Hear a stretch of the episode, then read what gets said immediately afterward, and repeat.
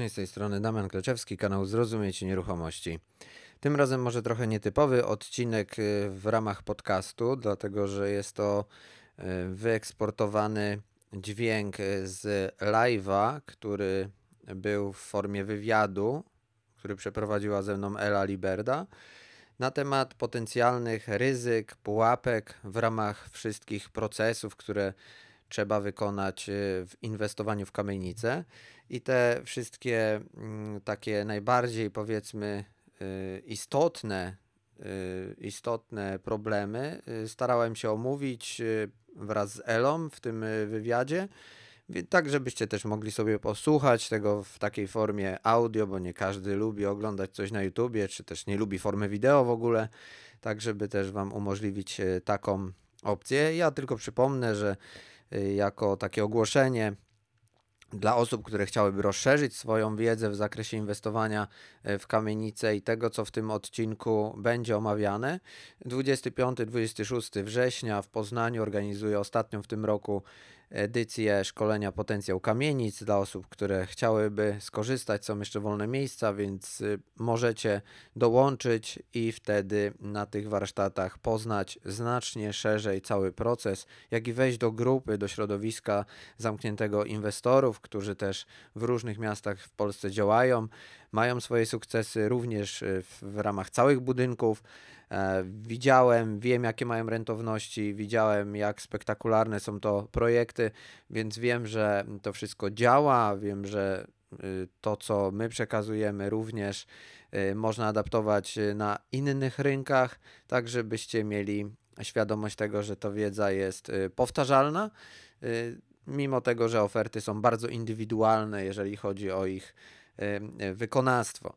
Także zostawiam Was już z samym wywiadem i jeżeli macie ochotę, to możecie komentować, możecie też y, słuchać tego wywiadu na Spotify, y, na iTunes, na naszej fanpage'u, na naszej stronie internetowej. Także jest kilka miejsc, w których te wywiady się będą ukazywać. Wszystkiego dobrego Wam życzę. Pozdrawiam. Słuchajcie, dzień dobry. Witam Was e, na kolejnym live razem z Damianem. Dziś mega temat. Inwestowanie w kamienicę. Kto by nie chciał mieć swojej własnej?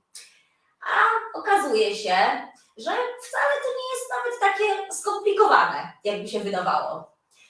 Ponieważ e, ja zawsze mówię Wam głównie o tematyce prawnej, to dziś do mojego programu zaprosiłam kolegę Damiana Kleczewskiego, który jest inwestorem na rynku kamienic. Ja z Damianem współpracuję już od wielu lat e, i nawet zdradzimy Wam, że niebawem będziemy współautorami książki, która dotyczy właśnie inwestowania w kamienice. Myślę, że Damian kilka słów dzisiaj też na ten temat może zdradzić. Słuchajcie, co dzisiaj? Dzisiaj porozmawiamy sobie mm, o takiej bardzo mocno praktycznej stronie inwestowania w ten wyjątkowo dochodowy segment rynku. Jak pewnie wiecie, do inwestowania w kamienicę trzeba mieć bardzo dużą wiedzę i to z pewnością nie tylko prawną, ale także z zakresu spraw technicznych, budowlanych, i powiem Wam szczerze, że wielokrotnie ten audyt faktyczny, myślę, że Damian się ze mną zgodzi, często jest dużo ważniejszy niż prawny. I właśnie dzisiaj wieczorem razem z Damianem, y, który jest bardzo doświadczonym inwestorem y, na tym rynku, chcemy się dzisiaj podzielić z Wami naszymi doświadczeniami w tym zakresie. Także mam nadzieję, że będzie to dla Was y, owocne spotkanie. No dobra, do rzeczy. Dobra, moi widzowie to znają mnie, wiedzą, że uwielbiam inwestowanie w udziały, bardzo lubię kamienice. Ale powiedz tak na początek kilka słów o sobie i jak generalnie zaczęła się Twoja przygoda z kamienicami. No, witam Cię, Elu, witam Was, y, drodzy słuchacze i ci, co będą nas później pewnie też oglądać z nagrania. Ja swoje inwestowanie rozpocząłem w 2010 roku i, i to były takie początki dosyć mozolne, zanim doszedłem do tego etapu, na którym jestem dzisiaj, a mowa o całych budynkach, więc jest to taki segment, który jest najbardziej owocny tak naprawdę w zyski i najbardziej owocny w kreatywność, w pozyskiwaną wiedzę, w kontakty. Generalnie daje najwięcej frajdy wśród inwestowania w cokolwiek, bo tutaj tak naprawdę mamy największe pole do popisu. Jestem też współautorem lub autorem czterech poradników, na tą chwilę czterech, o inwestowaniu w nieruchomości. Piąty, o którym Ela wspomniała, potencjał kamienic jest w trakcie tworzenia. Ela też ma tam swój udział, więc te kamienice o tyle jakby są ciekawe, że nie tylko dają duże zyski, ale też nie ma wiele wiedzy na ten temat, stąd tego typu webinary, czy, czy powiedzmy literatura, która będzie się może z czasem pojawiać, będą dużo bardziej systematyzować nam to, tą wiedzę, która jest potrzebna do inwestowania. I tu Wam powiem, że niewłaściwa wiedza przy inwestowaniu w kamienice po prostu jest też dużym ryzykiem. Więc jeżeli dzisiaj mamy po części mówić o ryzykach, to właśnie jednym z ryzyk jest wybrakowana wiedza. I myślę, że w takim cyklu, który gdzieś tam Ela planuje wdrożyć odnośnie inwestowania w kamienice, zarówno od strony prawnej, praktycznej i prawno-technicznej, bo to będzie się wszystko ze sobą łączyć, no to są to, to właśnie działania, które no realnie inwestor musi wykonać. Ja działam w Poznaniu i tylko w Poznaniu, także ten rynek ja znam. Tutaj i na nim się skupiam. Jest to inwestowanie bardzo lokalne i też takie zalecam, żeby gdzieś tam po całej Polsce może nie skakać, ale są oczywiście inwestorzy, którzy są kapitałowi, więc mogą przerzucać sobie kapitał i pilotować całą inwestycję może ktoś inny, ktoś, kto się na tym zna, na, na, danym rynku. Ja inwestuję w swojej spółce rodzinnej, w czterech, w cztery osoby, mamy do siebie no, pełne zaufanie, wiele razem przyszliśmy, więc też możemy na, na, sobie polegać. Każdy ma swoją rolę w naszej spółce. Razem też prowadzimy szkolenie z tego tematu. Zabieramy osoby też na kamienicę, więc no, cały proces jakby poznaliśmy od podszewki i, i też możemy coś powiedzieć już o różnych etapach, które są związane z inwestowaniem w kamienicę, a jest ich kilka i myślę, że taką pigułkę wiedzy dzisiaj powinniście dostać.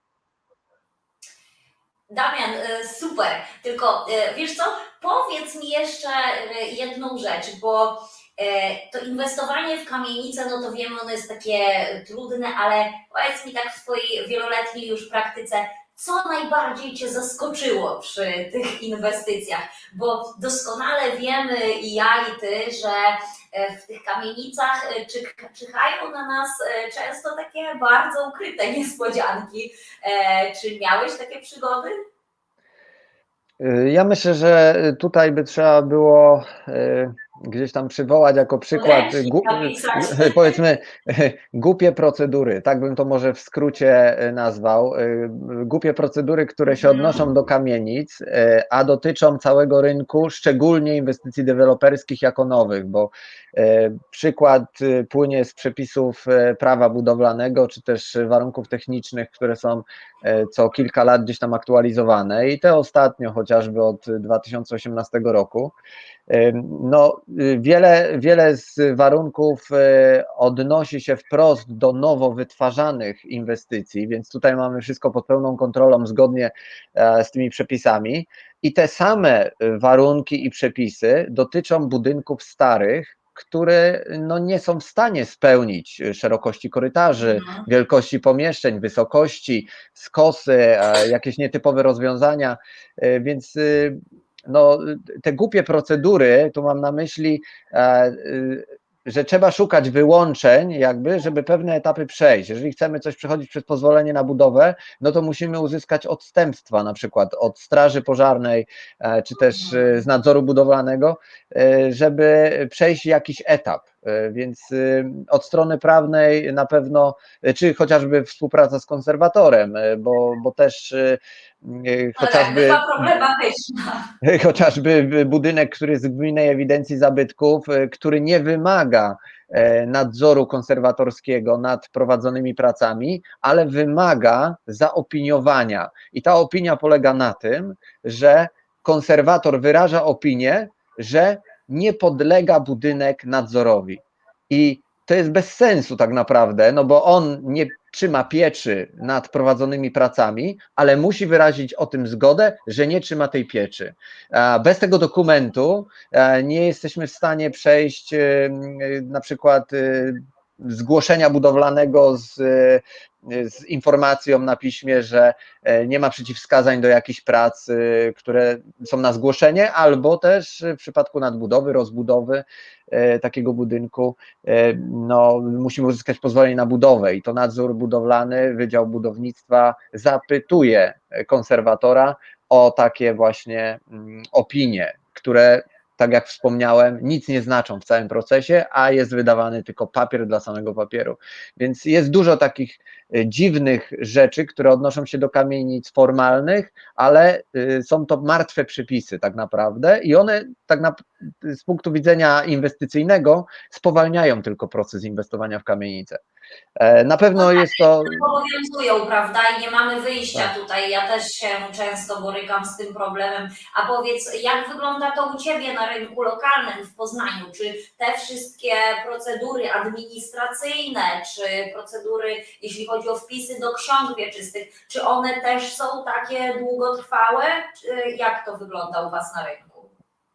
To zależy z kim się współpracuje, bo y, jeżeli wybieramy biuro architektoniczne, które ma doświadczenie w tego typu już realizacjach i, i wybierając w ogóle to biuro, y, zapytamy, jakie oni mają doświadczenia z kamienicami i jeżeli powiedzą, że wielokrotnie robili ten proces, no to y, generalnie nie ma tutaj jakichś przystojów na poziomie tworzenia inwentaryzacji budynku, wyodrębniania, przygotowania powiedzmy kartotek lokali i finalnie y, załatwiania zaświadczeń o samodzielności ze starostwa.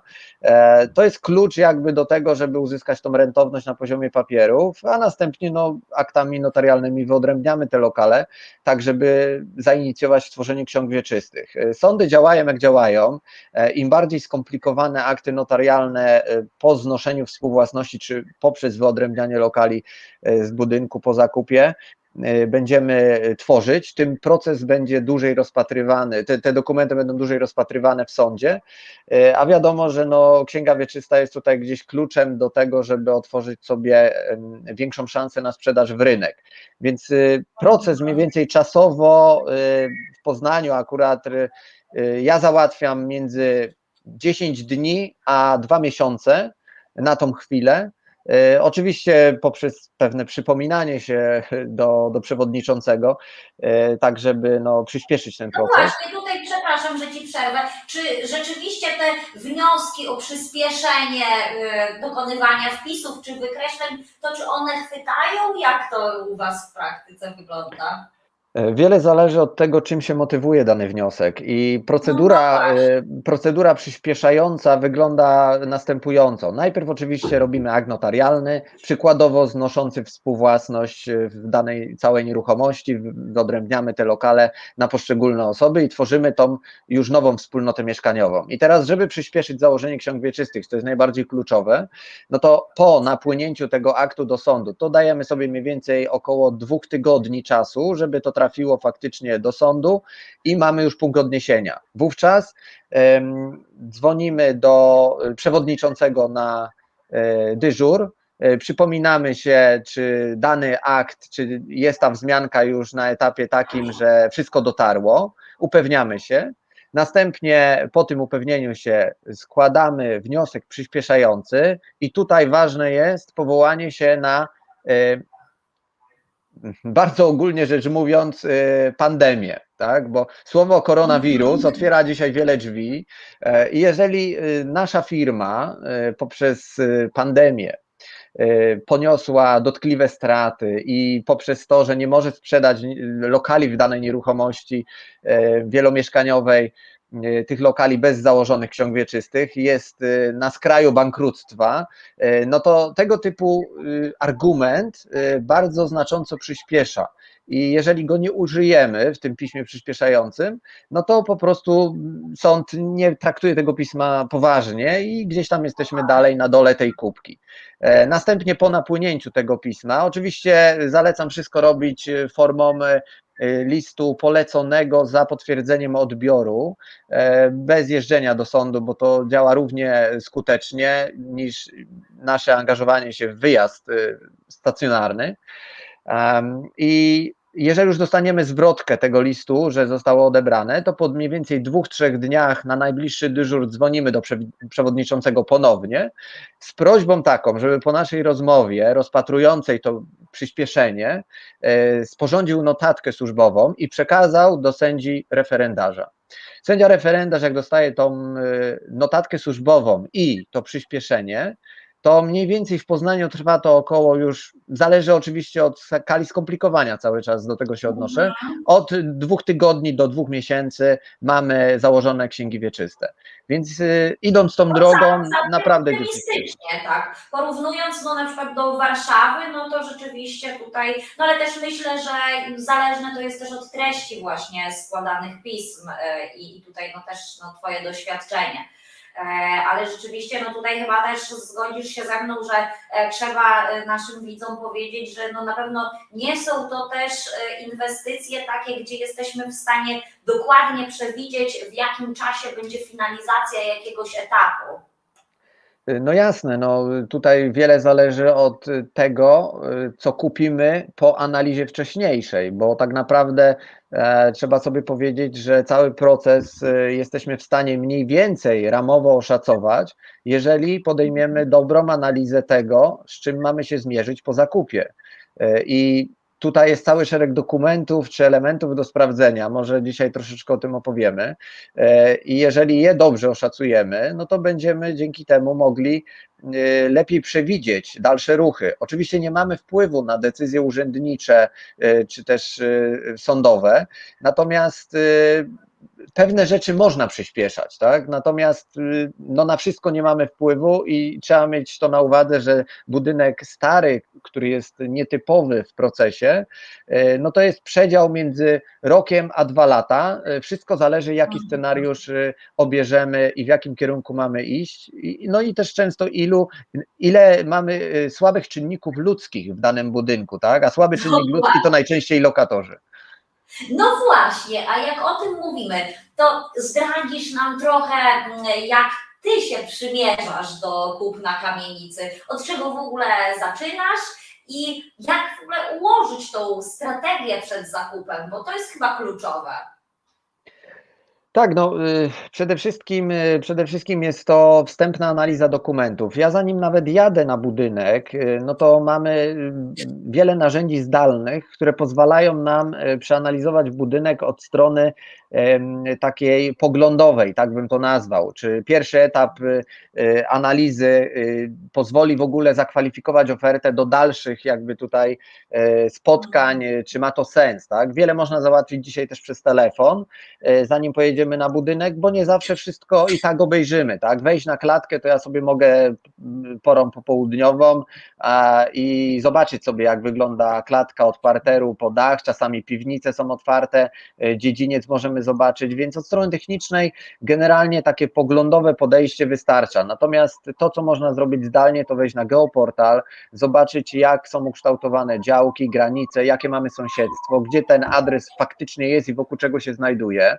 E, Mamy taką aplikację jak Google Earth, w której e, w wersji 3D e, z bardzo dobrym przybliżeniem, często w miastach wojewódzkich, jesteśmy w stanie zobaczyć całą kubaturę budynku, jak są e, ukształtowane dachy, lukarny, w jakiej kondycji jest e, technicznej budynek, bo to świetnie widać z różnych punktów. Możemy sobie obracać e, w tej aplikacji cały budynek e, tyle, ile jest widoczny, bo czasami jakieś drzewo przysłoni, e, czasami jakiś cień jest, czy chmura, ale ta aplikacja jest na tyle pomocna, że faktycznie bardzo dużo e, daje nam już informacji o samym stanie takim e, technicznym budynku, nawet nie jadąc tam, E, a przede wszystkim widzimy to, co jest na dachu, widzimy jak budynek jest wysoki, obok czego się znajduje, na ile ewentualnie rokuje jakieś, e, jakaś przestrzeń wobec niego, czy może nadbudowa, czy też co jest na dziedzińcu, a czego nie ma później na mapkach, e, bo też tak często jest, że mamy do czynienia z wieloma e, samowolkami, no i, i to też Nagle trzeba prostować. Zaskakuje jej sąsiedztwo, tak. Tak, no więc y, ostatnio analizowałem kamienicę, w której właściciel się przyznał, że jest y, bunkier, y, bunkier dla całej ulicy, więc y, on nawet tam nie chciał zaglądać, bo y, dlaczego tutaj od razu wspomnę, że to jest ryzyko? Ryzyko jest następujące. Jeżeli e, informacja o tym, że tam jest bunkier, dociera do mnie już na tym etapie, to jest to bardzo duża czerwona lampka, choćby dlatego, że jeżeli dowiedział, dowiedzieliby się o tym archeolodzy, wyłączyliby nam całą działkę razem z obiektem, bo nie wiadomo, czy tam nie ma amunicji, jakieś bomby, czegoś takiego, co by y, było niebezpieczne. E, Więc y, często są to też y, takie zamierzchłe czasy e, powojenne, wojenne, gdzie to tworzono na potrzeby tamtego okresu. E, No i akurat na danej działce coś takiego mamy i y, nie ma się czym tutaj chwalić, że się ma coś takiego, dlatego że e, wyłączenie tematu e, całego w procedowaniu może być wieloletnie nawet. I archeolodzy jak wchodzą, to mogą Właśnie zająć tutaj nam mówimy, prawda, chyba nie o kwestii miesiąca, dwóch, Tak. tak, tylko z mojego doświadczenia to są już tematy wieloletnie. Tak, często jest to y, przykład, y, płynie z parkingów miejskich, gdzie są robione hale y, y, podziemne i w Poznaniu y, dwukrotnie już archeolodzy bardzo mocno zablokowali w czasie realizację parkingu miejskiego y, w centrum Poznania, no bo natknięto się na jakieś tam pozostałości po wojnie, więc no są to y, bardzo duże szkody inwestycyjne, więc jeżeli dowiadujemy się o tym na etapie przedzakupowym, to tylko powinniśmy się cieszyć, że na przykład nie kupimy tej kamienicy, bo nie zawsze Mhm. y, obiekt, który wygląda atrakcyjnie cenowo, będzie dalszy y, w procedowaniu.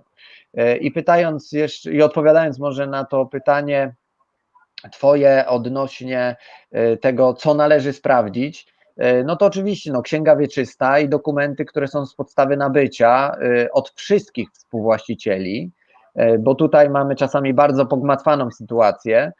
Bardzo może daleko w stronę prawną nie chcę brnąć, bo to zostawię Tobie, natomiast jest naprawdę nieraz bardzo duża kaszanka, którą sami współwłaściciele sobie przez lata stworzyli i będą tworzyć dalej, bo nie mogą się dogadać i umierają. Tak, z reguły I- są skonfliktowani, Dokładnie. prawda? I coś, co wydaje się, że no, dla inwestora jest logiczne i, i dla nich byłoby rentowne, to okazuje się, że ten wieloletni konflikt y, no jednak y, na tyle eskalował, że oni po prostu w żaden sposób nie chcą się dogadać i racjonalne argumenty no niestety słabo trafiają. No i tutaj nigdy nie ma pewności, czy ktoś się nie wykruszy z decyzji o sprzedaży. Pamiętajmy, że musi się stawić 100% współdziałowców, żeby doszło do stuprocentowego nabycia. E, Bo większościowe nawet nabycie nie daje nam pewności dalszych ruchów, e, chociażby jeżeli jakaś niezgodność e, w, we wznoszonej współwłasności by było i z podziałem na lokale. Więc no, jeden mały tam udziałowiec potrafi nam uwalić proces głównie w czasie, bo pewne rzeczy można przejść sądownie, natomiast to wszystko jest oparte o czas. Ale I, i czas i też nigdy nie ma jednak gwarancji, to zawsze orzeka sąd. I coś, to, co- co wydaje się pozornie, że no na pewno będzie ok po naszej myśli, może okazać się, że nawet być może finalnie osiągniemy jakby cel, natomiast no moja praktyka pokazuje też, że szczególnie teraz, e, w, gdy jest pandemia, to te procedury, e, no one mogą być skutecznie chociażby przedłużane. I z punktu widzenia inwestora, no to jednak no, ta stopa zwrotu troszeczkę się zmienia, kiedy, kiedy nam się coś poślizgnie o rok, dwa.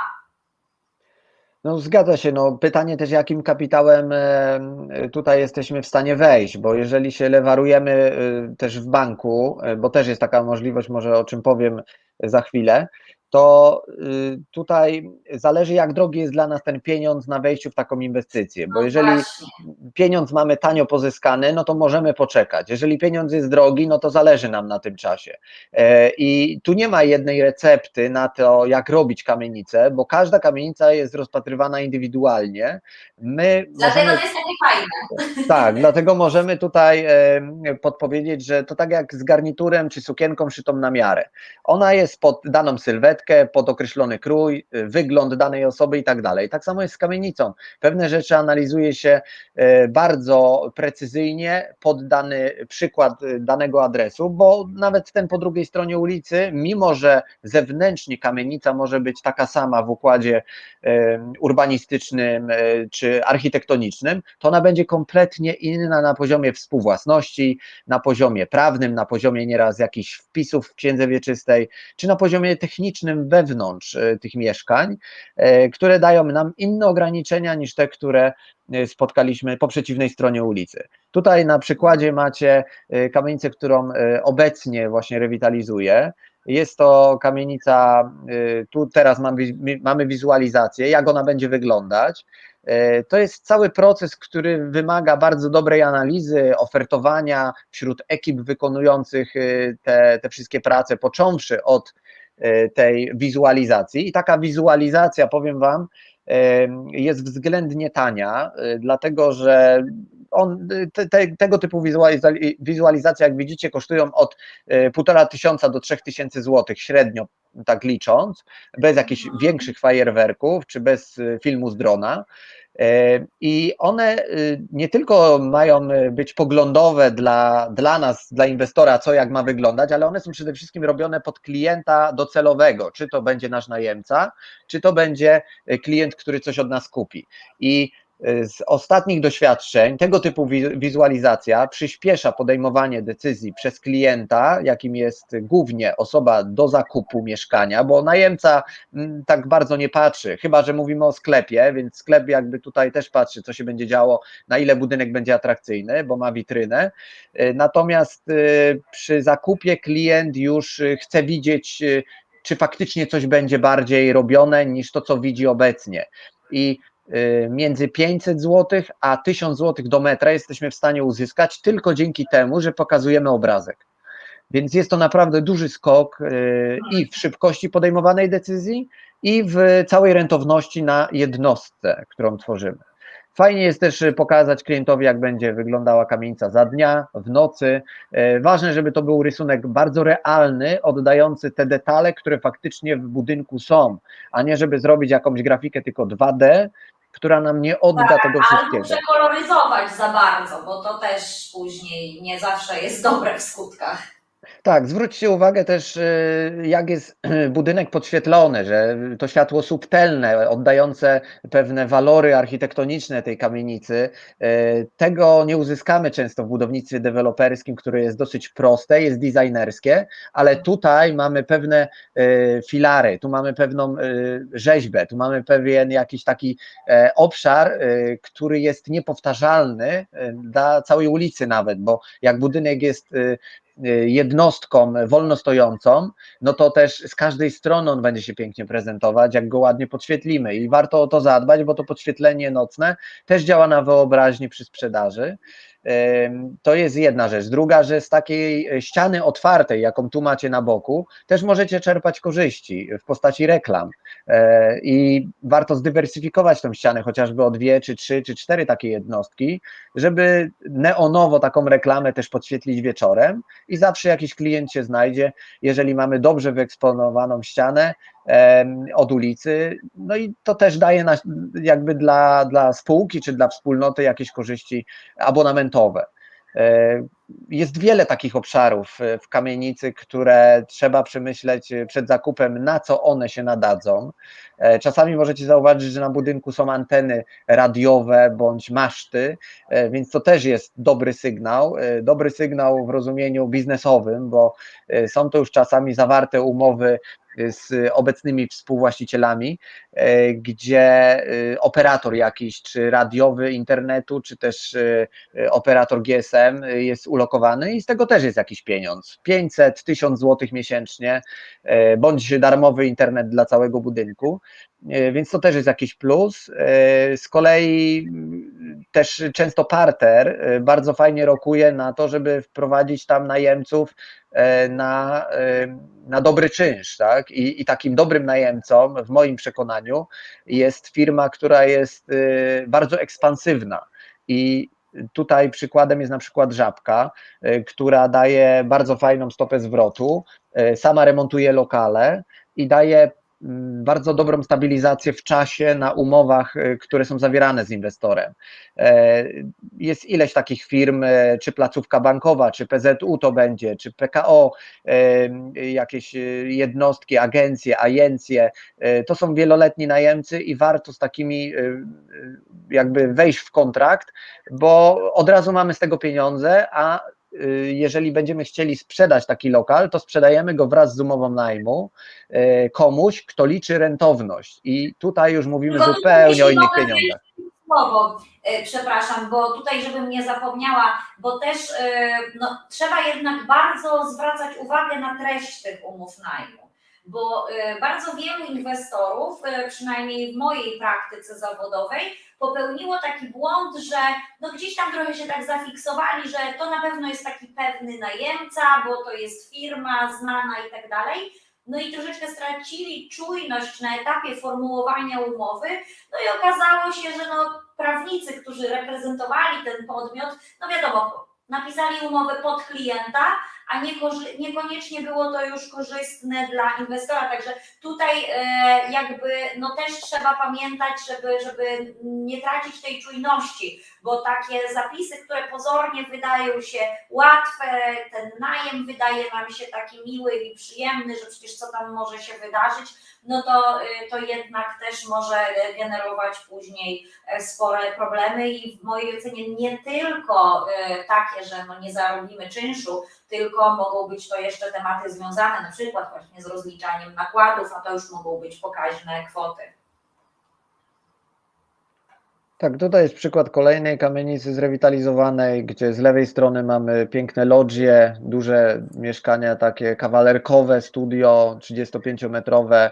Y, no, cały front został odrestaurowany w takim jednym kolorze, więc y, nie ma w mojej ocenie też sensu, żeby przesadzać y, w we wchodzeniu w jakieś skomplikowane odrestaurowywanie kamienic, zrobić to, co jest faktycznie Y, dobre dla oka, ale też wyważone cenowo na dobrej chemii. Dobra chemia, dobra chemia budowlana jakby jest też kluczowa dla trwałości tej elewacji, tak żeby ona kolejne lata nam ładnie wyglądała, a nie tak, że zacznie nam coś odpadać po roku czy dwóch, bo daliśmy za słaby tynk czy nieodpowiednie podkłady. Więc jest kilka firm, które się specjalizują w bardzo szerokiej e, gamie e, tutaj produktowej, jeżeli chodzi o e, wybór środków i takim przykładem jest firma na przykład Caparol bądź STO, E, I, I faktycznie możemy tutaj polegać na produktach dedykowanym starym budynkom, e, bo one mają inną chłonność, inne reakcje, e, te produkty wytwarzają we współpracy ze sobą, więc warto jakby pochylić się nad tym tematem i nie tylko liczyć na to, że wykonawca wszystko za nas zrobi, bądź wszystko zrobi za nas architekt, tylko tutaj odnosząc się już do całego procesu inwestowania w kamienicę, to my jako inwestorzy powinniśmy posiadać całe spektrum poglądowych informacji chociażby, jeżeli nie, nie chcemy jakoś tam bardzo szczegółowo w coś wchodzić, albo nie czujemy się na tyle mocni w danej branży, ale poglądowo chociaż powinniśmy wiedzieć, jak cały proces powinien wyglądać, na czym się faktycznie zarabia i na czym najwięcej można popłynąć. E, bo ryzyk jest wiele i jeżeli będziemy mieć chociaż ich taką świadomość, to pewne wykluczymy, no bo dane, dana oferta na przykład nie będzie pod nie podlegać, ale dzięki świadomości tych, em, tej, tej wiedzy, e, będziemy w stanie eliminować te ryzyka na bieżąco. I wiele z tych ryzyk faktycznie udaje się usunąć jeszcze nawet przed zakupem na, w ramach umowy przedwstępnej, która to też dobrze musi być sporządzona, żeby awaryjnie można z takiej oferty też się było wycofać. Tutaj właśnie te slajdy pokazują e, ostatnie realizacje z e, ostatnich lat.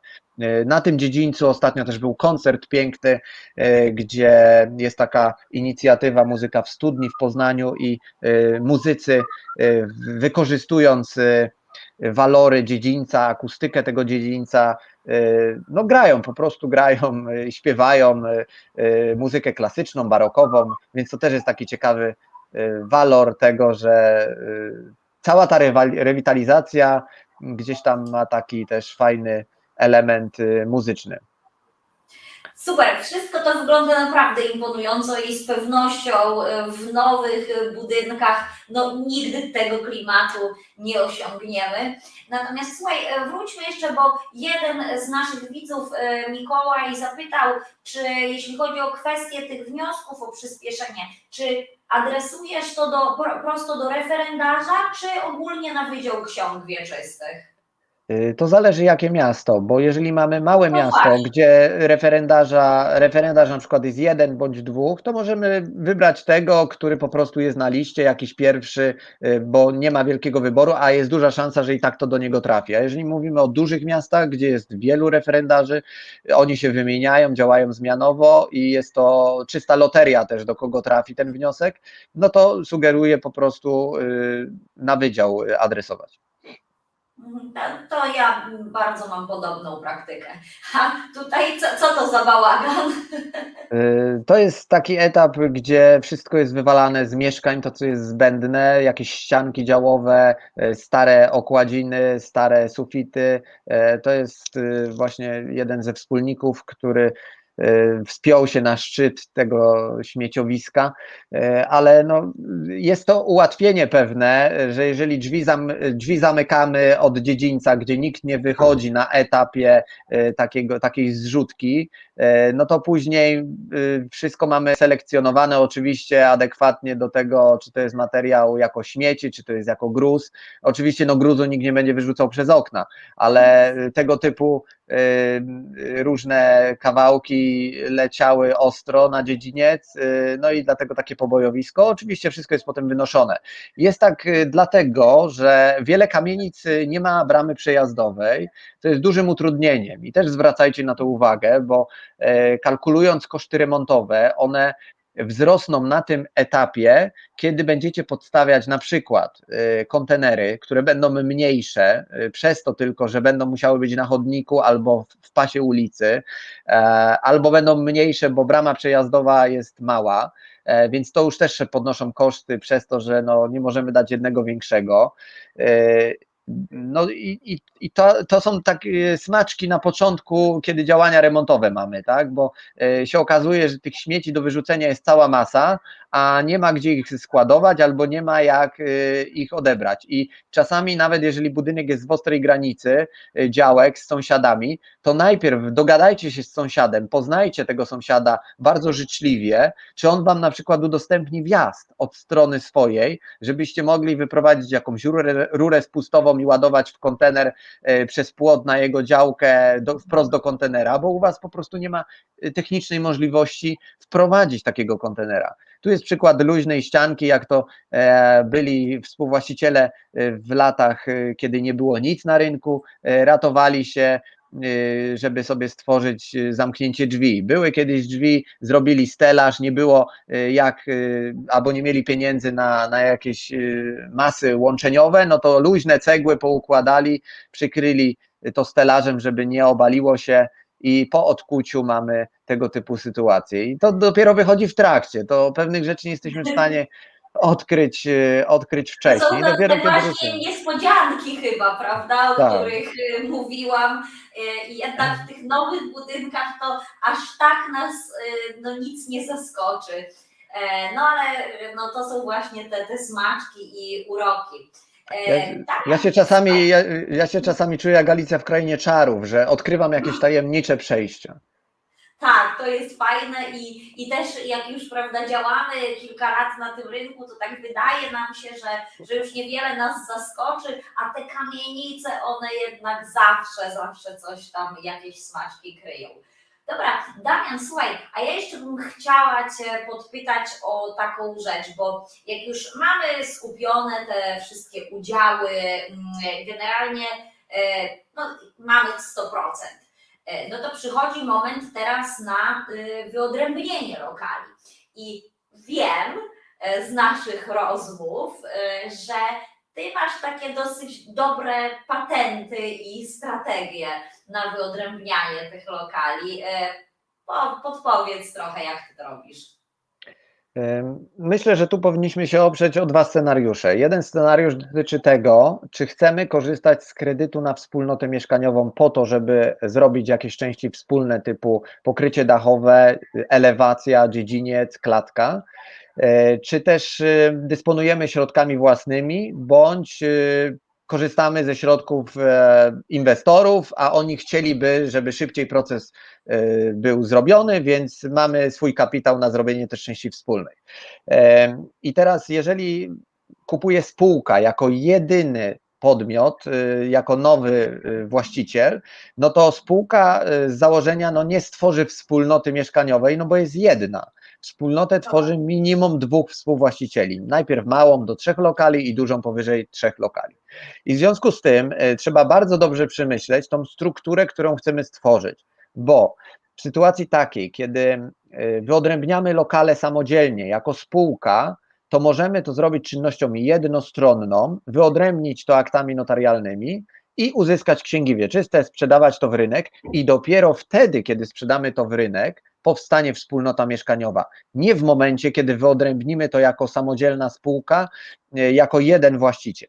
E, To jest jedna uwaga. Druga jest taka, że w momencie, kiedy y, przepraszam, e, kiedy chcemy skorzystać z tego kredytu na wspólnotę mieszkaniową, to musi upłynąć 6 miesięcy od momentu, kiedy stworzymy tą wspólnotę mieszkaniową i formalnie ją zarejestrujemy. Nadamy NIP, REGON, zgłosimy to do GUS-u i wówczas e, formalnie ta wspólnota istnieje. Ważne jest też to, żeby założyć rachunek bankowy, e, przez który będą już szły przelewy w ramach funduszu remontowego, e, bo dla banku to będzie niezmiernie istotne, żeby ta historia dała nam tą zdolność kredytową de facto. I teraz y, takim optymalnym y, funduszem remontowym jest na przykład stawka między 3 a 5 zł, bo wyższe kwoty bardzo mocno obciążają y, już inwestorów, czy też nowych właścicieli, czy samych najemców, Y, więc to, to już jest takie trochę przegięcie. Natomiast y, Optymalną kwotą dla zrobienia kamienicy jest powiedzmy między 300 a 700 tysięcy do miliona złotych takiego kredytu. I do miliona złotych naprawdę proces jest bardzo prosty, wręcz banalny.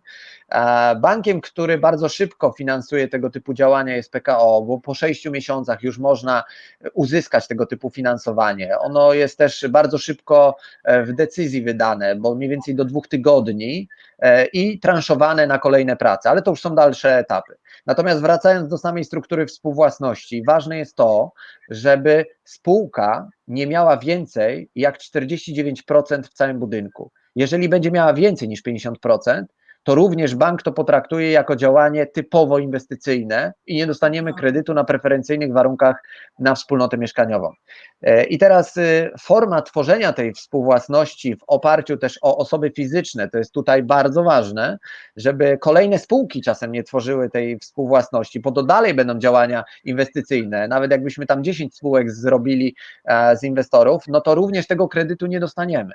Muszą to być osoby fizyczne i też to muszą być osoby, które są inne niż wspólnicy w spółce.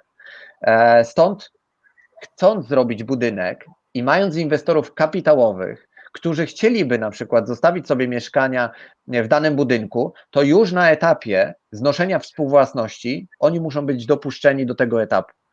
I dopiero wtedy, jak już jest podział lokalowy, że ten ma tyle, ten ma tyle, ten ma tyle i takie i takie lokale, y, jest to już wyodrębnione numeracją, to to tworzy nam urozmaiconą strukturę współwłasności z osobami fizycznymi i dopiero wtedy robimy te wszystkie papiery na wspólnotę i po sześciu miesiącach mamy wyrobioną zdolność na wspólnotę mieszkaniową. Dlatego te strategie e, trzeba przemyśleć wcześniej, na ile jesteśmy w stanie podziałać samemu, bo szybciej, na własnym kapitale z częściami wspólnymi, a na ile chcemy sobie em, podziałać z kredytu. Tu Was uczulam jeszcze na jedną rzecz, że jeżeli wyłożycie pieniądze od siebie na zrobienie części wspólnych, to nie zrefinansuje Wam ich bank po czasie, bo bank wydaje środki na transze na działania przyszłe, a nie te, które już były.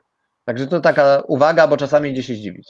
Dokładnie. Ja tutaj też wtrącę, bo zobaczcie, to wszystko mm, to jest e, mm, bardzo, no, wydaje się skomplikowane, ale zobaczcie, tego nie wyczytacie z przepisów. Dlatego, jeżeli mm, zaczynacie inwestować w ten segment rynku, to naprawdę mm, zalecam, żebyście jednak te swoje pierwsze projekty realizowali przy osobach doświadczonych, albo korzystali z wiedzy chociażby no, przedstawianej, ale na praktycznych szkoleniach, e, które e, są prowadzone przez praktyków, którzy rzeczywiście mają za sobą kilka takich inwestycji, dlatego że tutaj to są niby niuanse, ale widzicie, no możecie nie, nie dostać chociażby finansowania, także, a tak jeśli ktoś przeprowadzi Was trochę za rękę, także macie naprawdę wtedy dużo łatwiej. E, Także też no, serdecznie tutaj polecam e, szkolenia, które właśnie Damian e, organizuje, bo, bo tam macie tak zwane samo mięso i, i to jest coś, czego no, żaden kodeks, ustawa Wam po prostu nie powie. Trzeba to przerobić. No oczywiście na, najlepszą, e, najlepszą wiedzę uzyskuje się no, samemu, jak się praktykuje, ale po co, po co wyważać otwarte drzwi, nie? Także jak, jak są już no, pewne gotowe, wypracowane rozwiązania. E, Dobra, Damian, po- powiedz e, nam jeszcze trochę, bo tutaj e, dość sporo widzę atrakcji na tych slajdach. Co, co, co tu się dzieje? Co to są za inwestycje? Bo, bo tych akurat chyba Twoich nie znam.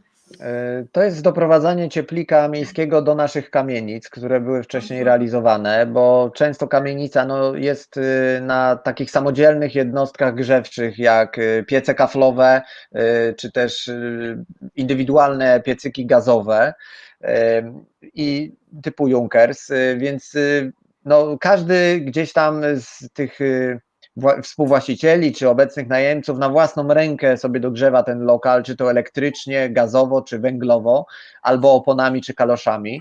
E, Więc y, no, no to jest domena starego budownictwa, stąd to zanieczyszczenie często powietrza w, w dużych miastach typu Kraków, Poznań, Wrocław, Gdańsk. E, Pewnie to widać, te chmury dymu. E, No to jest między innymi jakby z tego, y, że wiele tych budynków y, wymaga tej wymiany i tu jest przykład na tym slajdzie akurat wprowadzonego na świeżo cieplika jako całej aparatury. Tutaj mamy prowadzone rury ciepłownicze do budynku, no ale wiadomo, że tego typu inwestycje no, nie są realizowane przez y, nas jako inwestora w budynku, no bo to jest droga miejska, y, gminna, y, więc musi się za to zabrać miasto. I w ramach różnych programów, w Poznaniu jest program Kawka, na Pomorzu wiem, że był program Mewa, te inwestycje są pilotowane przez pracowników miejskich na wniosek inwestora. To znaczy, zgłaszamy chęć przyłączenia do e, operatora miejskiego, dostawcy miejskiego. On wyraża taką wolę e, albo odmawia nam przyłączenia, bo na przykład nie ma już mocy e, do tego, żeby budynek przyłączyć, albo gdzieś jest zbyt daleki to adres, żeby podpiąć się do jakiegoś węzła, w związku z czym e, nie wszystkie budynki będą rokować, ale też nie zawsze się opłaca to robić, bo e, na takie podłączenie też się często czeka, e, wielomiesięczne to są e, okresy oczekiwania.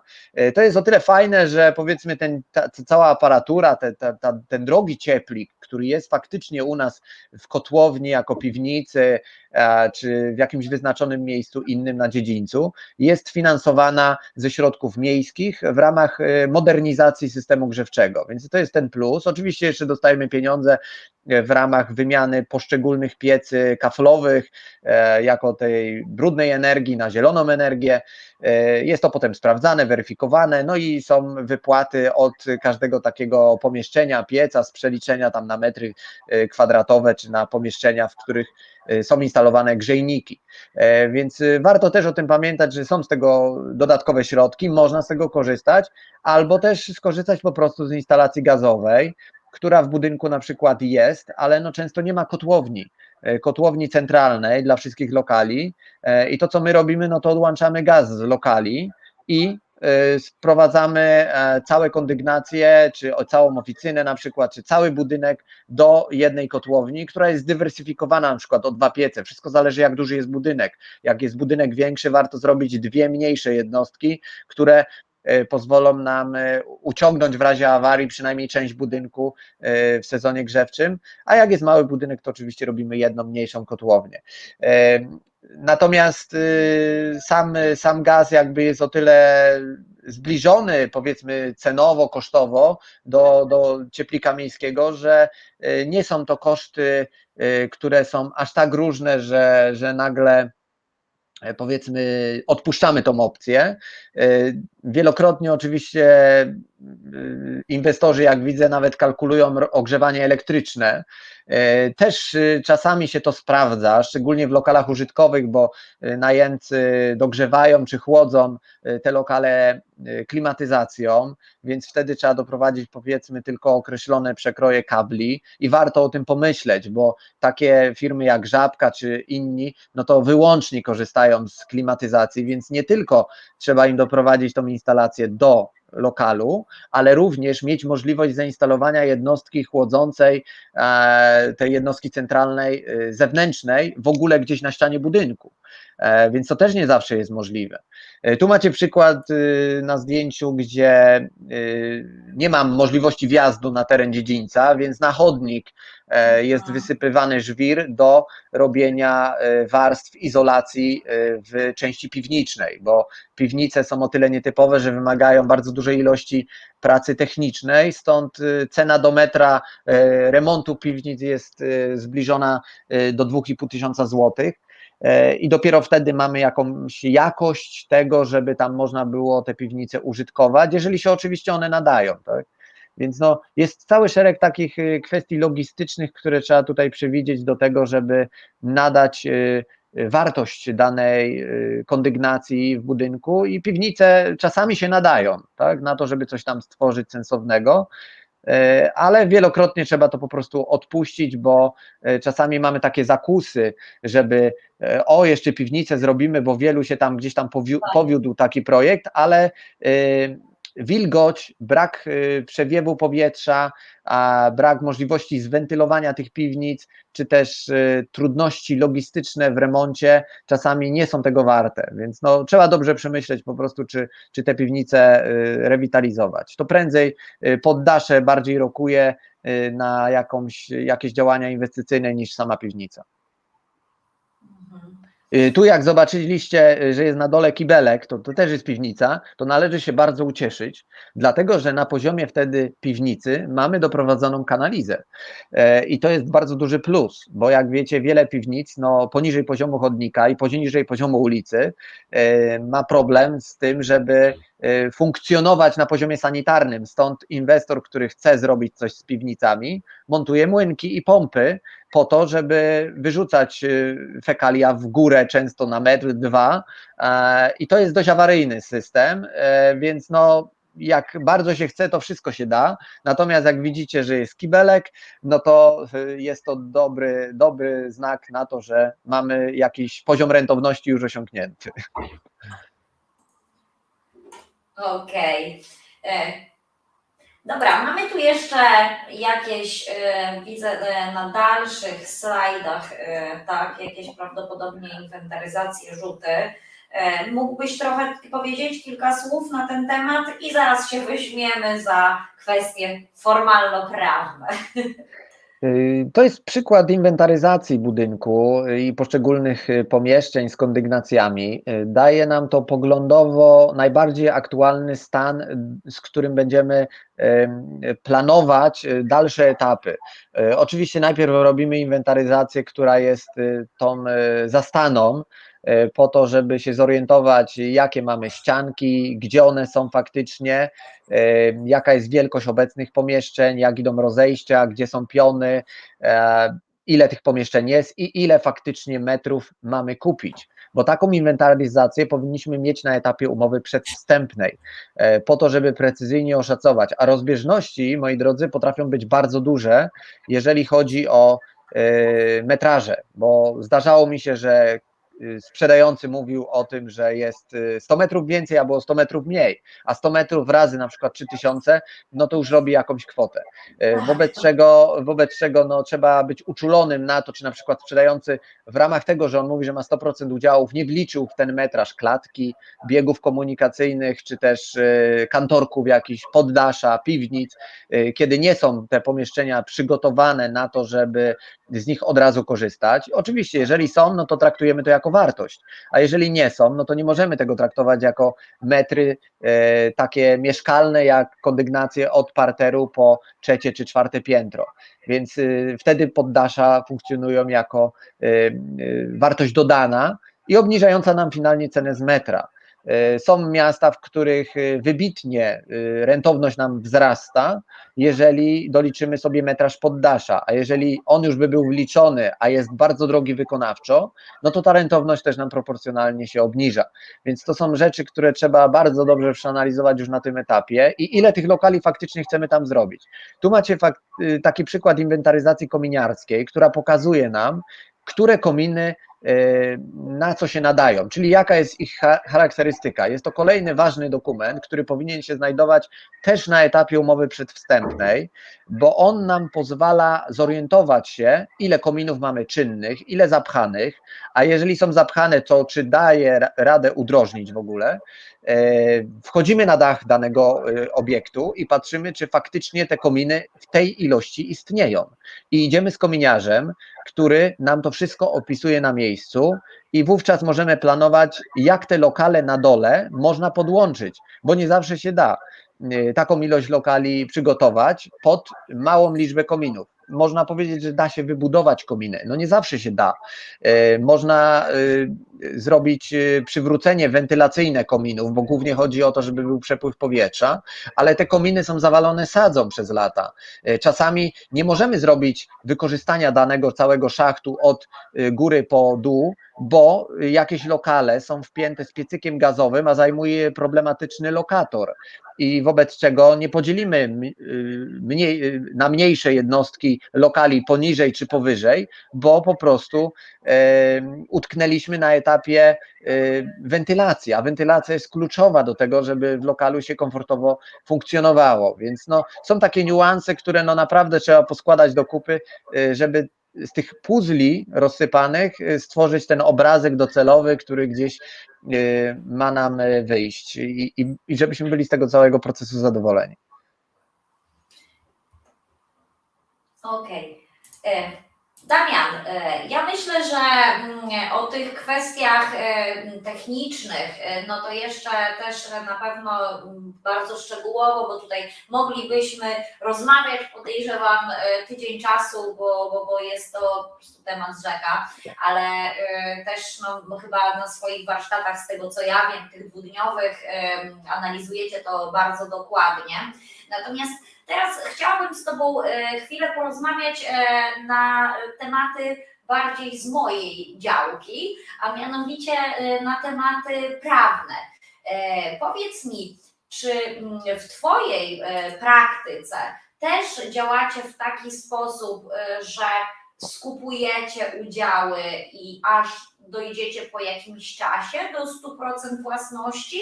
E, i trochę ryzykujecie, no że no wiadomo, nie, nie musi to się zawsze udać, czy raczej najpierw robiąc audyt e, kamienicy, no już analizujecie to tak, żeby no mieć no niemalże pewność, że, że to się uda. W dotychczasowej praktyce było to zawsze 100% przy zakupie, więc Mhm. tutaj nie było sytuacji, że kupowałem na przykład połowę, a połowę nie wiedziałem, czy kupię. E, I jeżeli dochodziło do ofert, które miałem analizować e, na etapie cząstkowej wejścia w dany temat, czyli skupowania i dopiero analizowania, to takiej sytuacji nigdy nie było, bo mam doskonałą świadomość tego, że tu się może bardzo wiele rzeczy wywalić. Więc jeżeli robimy dobry audyt y, y, struktury współwłasności, kto ile ma i na ile chce sprzedać, na ile jest do dogadania, to robimy to na etapie jeszcze przed umową przedwstępną bo Mhm. umowa przedstępna już y, wiąże się z zakupem powiedzmy jakiegoś pakietu udziałowego.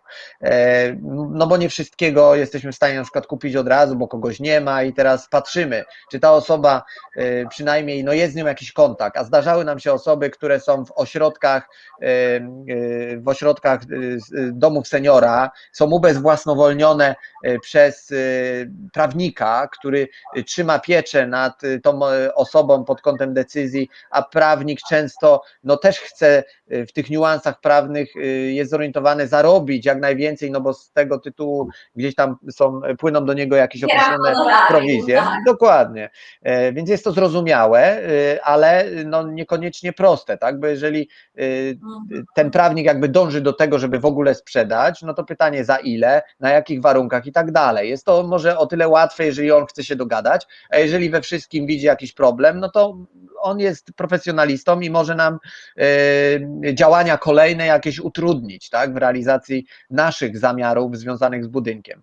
E, Oczywiście też no, kupując część m, udziałów, e, pytanie, czy kupujemy część udziałów z lokalami, czy kupujemy same udziały, które nie mają przeniesienia na klucze do lokali, które są puste na No przykład. właśnie, to są te tak zwane puste udziały. Ja tutaj właśnie do tego zmierzam, bo chciałam zwrócić uwagę, że tutaj trzeba być bardzo czujnym, jeżeli wybieramy model taki, że no tak e, decydujemy się na takie powolne skupowanie tych udziałów, dlatego że może nas czekać taki trochę mały psikus. E, Nie wiem, czy ty się spotkałeś, no myślę, że na pewno e, z taką sytuacją, że ktoś celowo kupuje jakiś bardzo niewielki udział, bo widzi, że coś w kamienicy prawdopodobnie będzie się działo i jakby nie zależy mu na tym, żeby obejmować lokal w posiadanie, tylko czyni sobie zarobek z tego, no nie chciałabym, żeby to brutalnie zabrzmiało, ale na takim trochę szantażu pozostałych współwłaścicieli.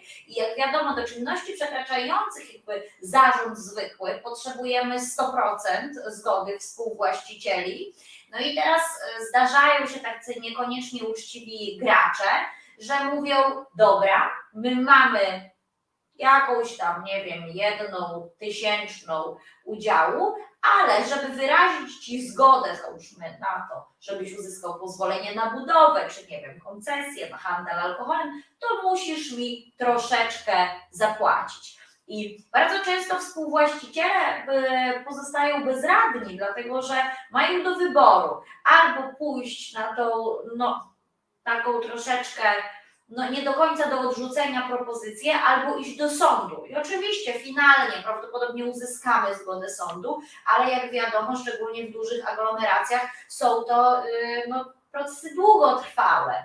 E, Także też tutaj trzeba pamiętać, że można gdzieś tam się z taką sytuacją spotkać. Tak, no ja miałem też taką ofertę, dla przykładu podam, że y, starszy pan chciał sprzedać 50% udziału w kamienicy, a wcześniej ten sam starszy pan, jako jedyny właściciel, sprzedał 50% ze wskazaniem na lokale jakieś określone numery. Oczywiście to wskazanie jest, y, można powiedzieć, e, bardzo nieformalnie gówno warte, natomiast y, ci ludzie faktycznie tam weszli jako udziałowcy, czyli on sprzedał y, 5%, 2%, 7%, e, dał im klucze i zamieszkali ci ludzie tam ze swoją rodziną, no i stworzyli de facto nową strukturę współwłasności, a jego 50% to były klatki, korytarze, y, no i oczywiście no tak to było y, tak, on wiadomo miał też te 50% we wszystkich lokalach, ale y, no stracił do nich dostęp, Y, w związku z czym no oferował y, komuś coś, co było bezwartościowe z punktu widzenia chociażby korzyści z najmu, korzyści Tak, e, możliwości z dzielenia. z lokali, prawda? To taki Dokładnie. pusty udział. No właśnie, ale tutaj jeszcze jedną bardzo ważną rzecz powiedziałeś. Co prawda, dzisiejszy live nie jest typowo taki o inwestowaniu i o zarabianiu na udziałach, bo o tym będziemy prowadzić e, takie e, audycje i, szkolenia. Tutaj bardziej skupiamy się na kamienicach. Natomiast powiedziałeś jedną rzecz, że to, że mamy wskazanie na lokal w ramach posiadanych udziałów, wcale nie oznacza, że ten lokal jest nasz, no i że finalnie takiego lokalu nie może, że na przykład możemy go stracić. Dlatego, że musimy tutaj pamiętać, że w toku ewentualnego e, zniesienia współwłasności sąd nie jest związany tymi podziałami do korzystania. I to, że kupujemy ze wskazaniem na e, lokal, to wcale też nie oznacza, że jakby ten udział ma pokrycie w metrażu. Co za tym idzie, w przypadku ewentualnego zniesienia współwłasności też możemy nie tylko stracić lokal, ale zostać zobowiązani do dopłaty bardzo wysokich wielokrotnie kwot z tytułu rozliczenia pożytków i korzyści. Także też pamiętajmy o tym. Dobra. Jeszcze z takich tematów, e, które chciałabym z Tobą poruszyć, e, dotyczących ryzyk związanych e, z inwestowaniem w kamienice, to są z pewnością w mojej ocenie tematy lokatorskie. E, Jakbyś tak miał powiedzieć w skali tych wszystkich Twoich inwestycji, to czy na co głównie należy zwrócić uwagę? Czy dogadujecie się z tymi lokatorami i robicie audyt lokatorski bardzo taki skrupulatny, zanim przystąpicie do tematu, czy troszeczkę tak to mm, zostawiacie na później i że a jakoś się uda? Y, Zawsze należy sprawdzić y, to, kto jest w budynku i kto zostanie z nami po zakupie, bo y, tutaj sytuacje potrafią być naprawdę przeróżne i wiele ofert odpadło na przedbiegach, y, kiedy się dowiedziałem, że y, pośrednicy bądź zarządcy po prostu wrzucali najgorszy element ludzi e, w taki budynek tylko dlatego, żeby znaleźć im jakiś lokal zastępczy. I ci ludzie już nie rokują na przeniesienie gdziekolwiek, bo nawet e, im lokale socjalne już nawet nie przysługują, albo są to ludzie, którzy są po prostu trudni przepisowo, tak, no bo ustawa chroni określone osoby, określone grupy. e, i, i no najgorzej jak mamy osobę powiedzmy starszą, schorowaną, bez rodziny, e, która jest e, bardzo e, bardzo zakorzeniona w dany adres i faktycznie zajmuje też nam duży lokal, więc to, to jest kłopotliwe na poziomie dogadania się nieraz z tą osobą.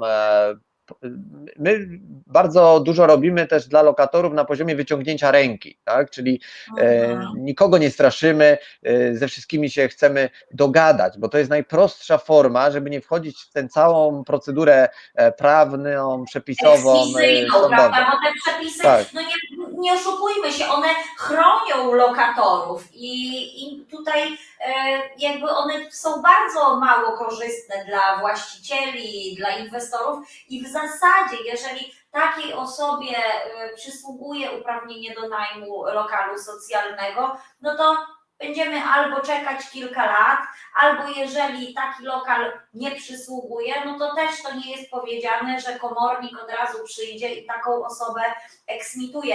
I ja też jestem zwolennikiem właśnie e, wstępnie dogadywania się z tymi ludźmi, żeby te osoby nie postrzegały inwestora jako tak zwanego czyściciela kamienic, tylko żebyśmy stali się dla nich partnerem do rozmowy. I to, co ja zauważam e, z mojego doświadczenia, to wielokrotnie e, dla tych e, lokatorów, też no niepłacących, to to, że my im na przykład zaproponujemy, że wynajmiemy im mieszkanie w jakimś nowym budownictwie, to, to dla nich to jest bardzo okej, dlatego że nam te kamienice wydają się takie atrakcyjne, bo one w istocie takie są. Natomiast taki lokator, jego nie stać wielokrotnie na to, żeby zrobić remont, mieszka no, w takim e, troszeczkę no, bardzo delikatnie rzecz ujmując, no, brudzie, niskim standardzie i w momencie, gdy otwiera mu się taka furtka, że za rok, za, czy nawet za dwa lata zapłacimy mu za fajne lokum, to wielokrotnie ci lokatorzy są wdzięczni i, i sami z tych lokali e, wychodzą. E, Nie wiem, jaka, jaką ty, jakie ty masz doświadczenia, Damian.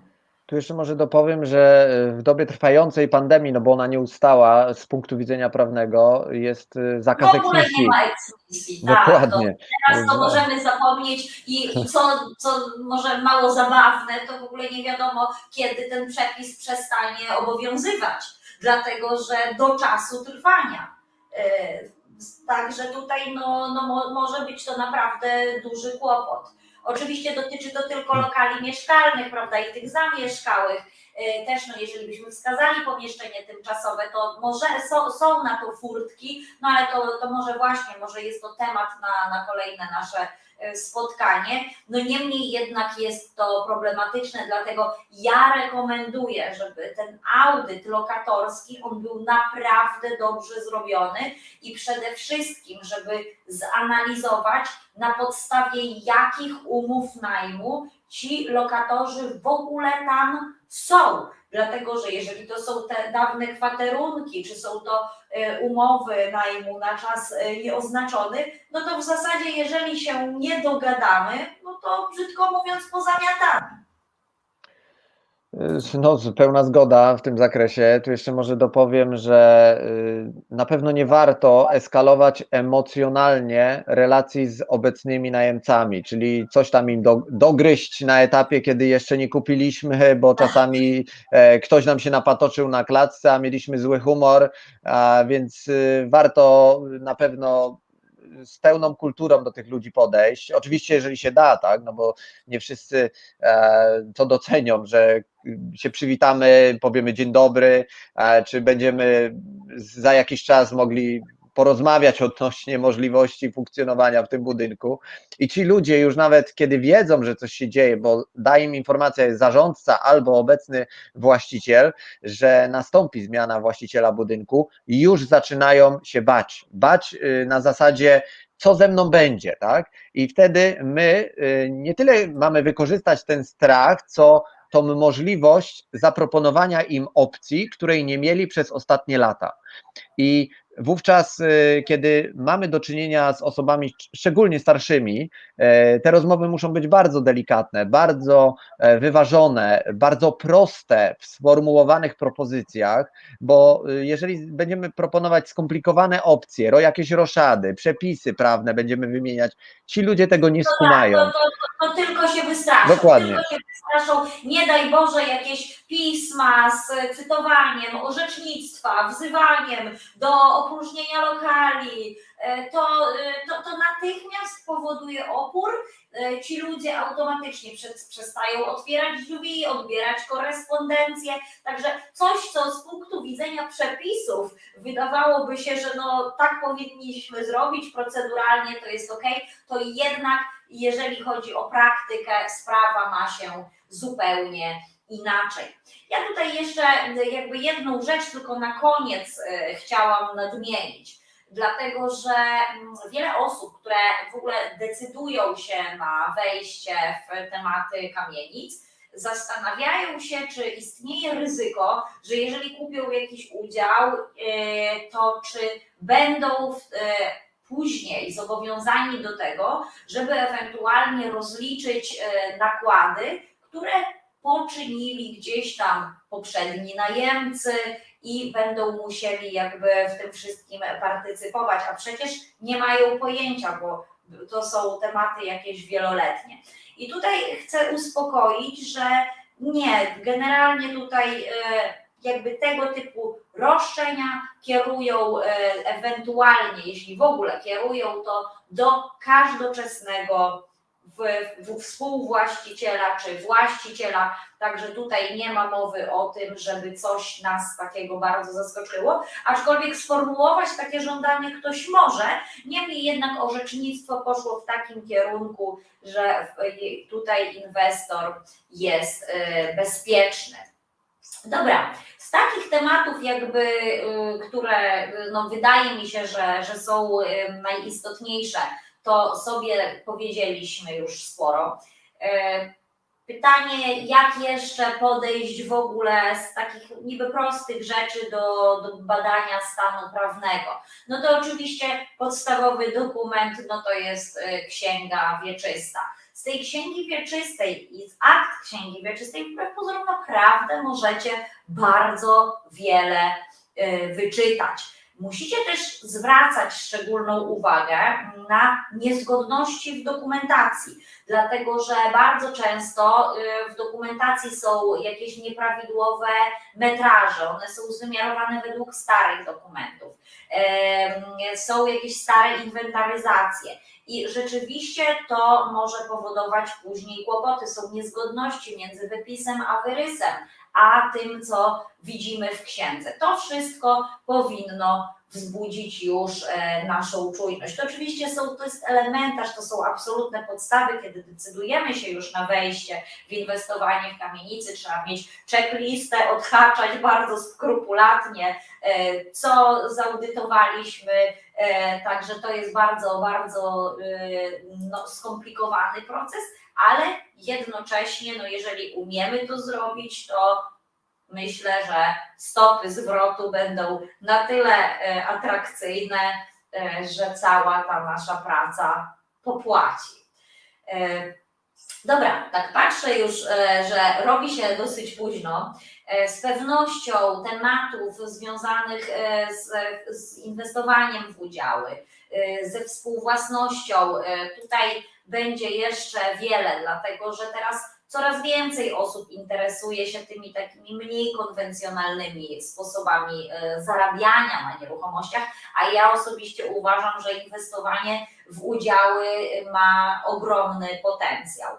E, Także też z tego zakresu e, prowadzimy i szkolenia, i warsztaty, na które serdecznie zapraszam. Także Damian, ja dzisiaj bardzo serdecznie dziękuję Ci za tą rozmowę. Myślę, że jeszcze tutaj z naszymi widzami spotkamy się e, kilka razy.